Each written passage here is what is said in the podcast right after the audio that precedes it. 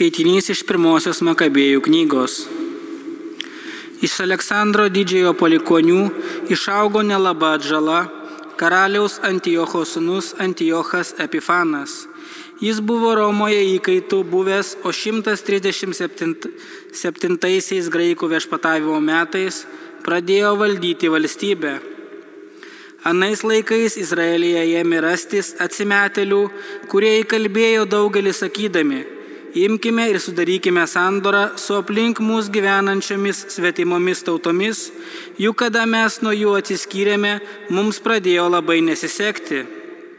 Šitoks pasiūlymas jiems patiko ir kurie nekurie iš tautos buvo pasirengę eiti pas karalių. Tasai jiems davė leidimą gyventi pagal svetimų tautų įstatymus. Jeruzalėje Jie pasistatė kūno mankštos mokyklą, sekdami svetimų tautų papročius ir leidosi panaikinti jų apipjaustimo žymę. Taip jie atkrito nuo šventosios sandoros, susimaišė su, su svetimomis tautomis ir atsidavė piktadarystėjai. Anuomet karalius išleido įsaką visai savo karalystiai, kad visi taptų vieninga tauta, kiekvienam atsisakant savo atskirumo.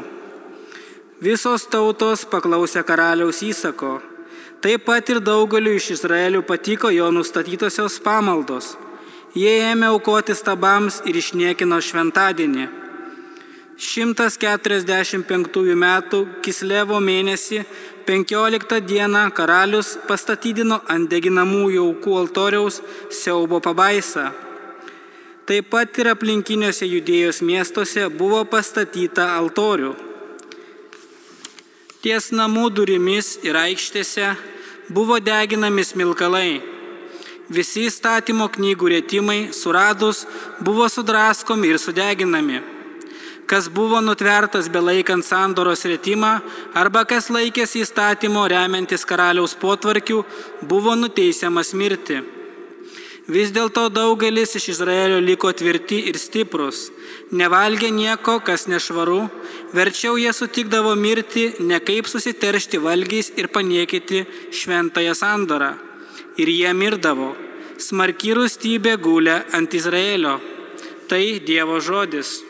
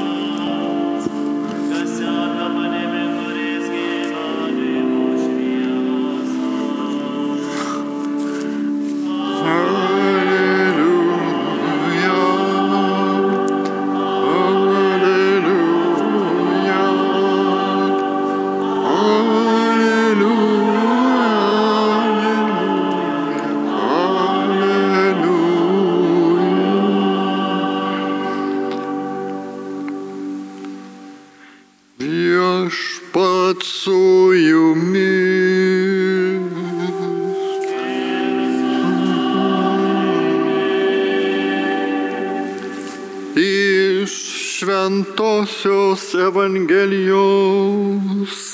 pagal Luką.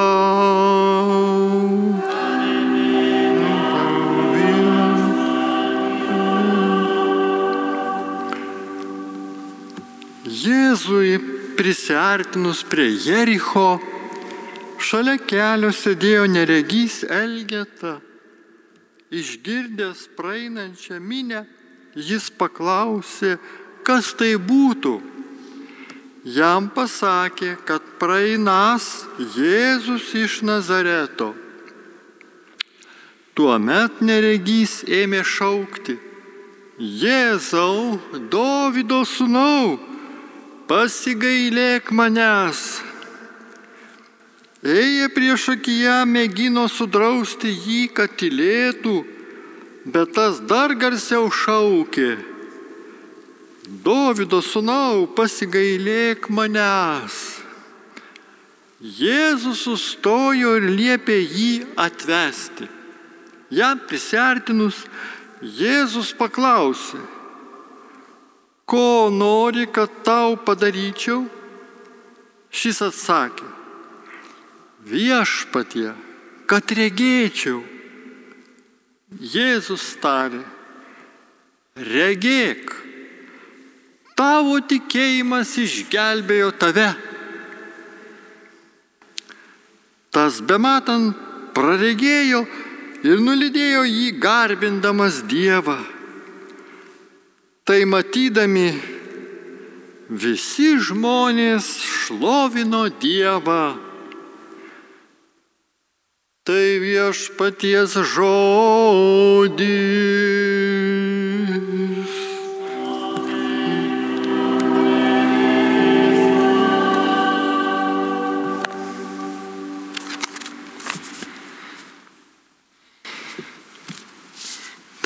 Mūsų maldų dėmesio kiratyje didis viešpatės tarnas, mums brangus tautietis, šventasis Rapolas Juozapas Kalinauskas, gimęs Vilniuje, mūsų valstybės sostinėje 1835 metais rugsėjo pirmą dieną bajorų matematikos profesoriaus Andriaus Kalinausko ir Juzefinos Polonskos šeimoje. Pakrikštytas Juozapo vardu. Nuo jaunystės pasižymėjo pamaldumu jaušros vartų Marija. Po tokia trumpa charakteristika ir mes jau galime mintimis persikelti į tą laikotarpį, kai jis va štai jau subrendęs vyras, 28 metų. Įsitraukė 1863 metais į Lietuvos ir Lenkijos sukilimą. Juozapas Kalinauskas buvo įsitikinęs, kad tai krikščionio pareiga tėviniai. Nors suprato, kad sukilimas pasmerktas žlugti, bet rėmė jo tikslą. Jis štai taip sakė, tokie žodžiai yra metraštininkų užfiksuoti. Šaliai reikia dirbti, o nelieti kraują. Per daug aišku, kokia kova nuo beginklių žmonių prieš Rusijos vyriausybės jėgą, kuri turi milžinišką ir stiprią armiją. Šitoks jau buvo jaunatiškas susidėgymas kovoti tiesos pusėje, bet ne ginklų, ne kraujo praleimų. Jis sutiko, sutiko su vyriausio sukilimo vadovybės sprendimu tapti sukilimo vadu ar vienu iš vadų ir jį paskyrė dirbti Vilniaus štabe o jis įsikūrė tą, įkūrė tą štabą savo namuose. Kasdien ateidavo melstis į aušros vartus. Per dešimt sukilimo mėnesių darė viską, kad išgelbėtų kuo daugiau gyvybių. Štai toks jo buvo pasišventimas. Jau tuomet Dievas jį panaudojo jo gabumus, jo talentus visuomenės labui, taikos labui. Ir jis atliko tą misiją. Puikiai, susilaukė be abejo už tai priešų nepykantos. Ir 1864-aisiais Saro įsakymų buvo suimtas ir įkalintas. Būdamas kalėjime savo prisiminimuose jis rašė, mano dienotvarkė,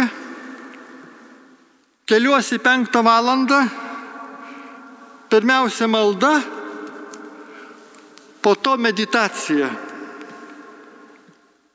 Kalinauskas džiaugiasi, kad iš savo kalėjimo kameros per mažą langelį galėjo girdėti Vilniaus šventosios dvasios bažnyčioje aukojamas šventas mišes. Ir bendroje maldoje jungiasi su Eucharistiniu Jėzumi bei pamaldų dalyviais. Štai koks jo buvo pasišventimas, štai kokia didi Dievo malonė, kad ir būdamas kalėjime, Jis va neužmiršo maldos, priešingai, visiškai atsidavė Dievui ir dar sugebėjo medituoti, viešpati garbinti ir šlovinti. Tai mums pavyzdys, kai sunkumus išpatiriam, išbandymus ir kartais norim pasiduoti. Nusvyra rankos, atrodo apima bejėgiškumas. O kaip tik tuo metu ir malonė šalia mūsų viešpats Kristus, mūsų nukryžiuotasis, atveria savo širdį, sako, brangusis, brangioji, žiūrėk į mane, į mano žaizdą, semkis stiprybės iš manęs, o ne iš savo bėdų.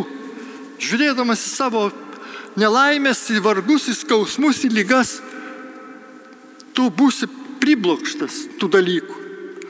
Pasimesi ir net liūdėsio pagautas į depresiją pateksi. O Kristus išlaisvina brangiai. Taip iš tikrųjų ir įvyksta. Netgi tuomet, kai jisai pasiekė to kraštutinę ribą. Po ilgų trijų mėnesių kalinimų ir tar. Taigi 1864 metų birželio antrąją generolo Murajevjovo įsakymu buvo nuteistas pakarti. Tai įsivaizduojam, ko, ko, ką išgyveno šis šventasis tuo metu, kai tokia buvo jam paskirta bausmė. Vėliau mirties bausmė buvo pakeista ištrėmimu į Sibirą.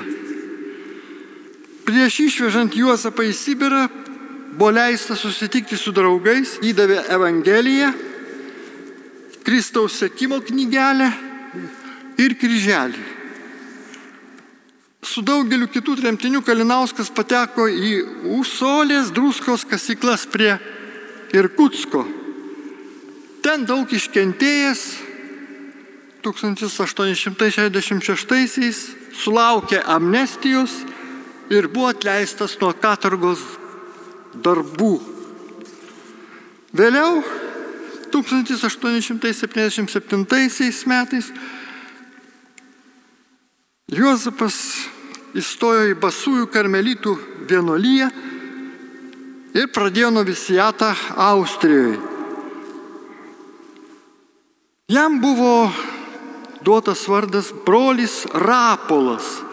Mano tol jisai vadinamas Rapolo vardu daugiau, nors ir galima Juozapu vadinti. Tai vienas ir tas pas du vardai. Svarbiausia štai, kad jis vadinamas šventuoju. Po penkerių metų tapo ir kunigu, priėmė kunigystės šventimus. Jis garsėjo kaip sielų ganytojas, įsiskyrė pamaldumu, rūpinosi ne tik Ukrainos katalikais, bet meldėsi ir už Rusijos atsivertimą. Vat štai, kaip tai aktualu dabar mums, kai prisimename šitą baisų karą, tai mūsų Ukrainoje ir mes viskas kasdien maldoje viešpačiui pavedam tuos kovotojus tevinės gynėjus, laisvės mylėtojus, kad būtų vis dėlto pergalė tiesos pusėje. Taigi prašome ir šventojo Rapulo užtarimo, kuris iš dangaus tegul teikia malonę visiems kovojantiems už tiesą, net gyvybę aukojantiems. Tai štai šitoks pasišventimas ir mums labai svarbus, aktualus į gyvenimo aktualis. Pašventinimas dabarties valandėlės, ta, kurioje mes gyvenam, alsuojam iš Dievo malonės ir malda vis į viešpatį kylam. O tuo pamaldu didžiuliu gyvenęs ir liūdės ir skelbės. Šventasis rapolas yra gyvas mūsų širdyse per malonę. Nors 1907 metais, lapkričio 15 dieną, viešpas jį pasišaukė, sergantį sunkia tuberkuliozės forma į pas save, taigi po tam tikrų kentėjimų lygos jis tuo metu gyvenęs vadovicų Lenkijoje įsteigtam vienuolinė iškeliavo pas viešpatį. Ir štai, kas įvyko po jo mirties, greitai ta žinia pasklydo tarp žmonių ir tūkstančiai jų susirinko pagerbti žmogų, kurį jie laikė šventu. Jį palaidojo vienuolino kapose Černoje prie Krokuvos. Jo kapas ėmė garsėti kaip stebuklų vieta. Popiežius Šventasis Jonas Paulius II 1980 paskelbė dekretą apie herojiškas tėvo Rapolo Juozapo darybės. O 1983 Krokuvoje šventasis tėvas Rapolo Kalinauska,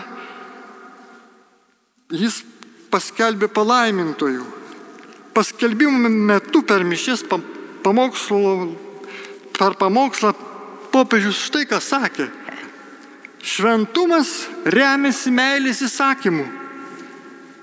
Todėl šventumas yra ypatingas panašumas į Kristų. Panašumas per meilę. Mes gyvename Kristuje per meilę, kaip ir Jis gyvena tėve per meilę. Našumas į Kristų, kuris paliečia vienybę su tėvu šventoje dvasioje slėpinį.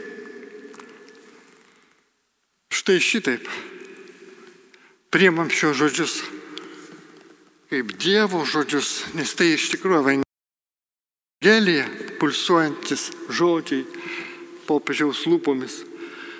Tai visų laikų žmonėms pasakyta, nes be šventumo mes negalime va štai nei galvoti apie amžinojo gyvenimo palaimą, apie susitikimą su šventaisiais ir su Dievu danguje.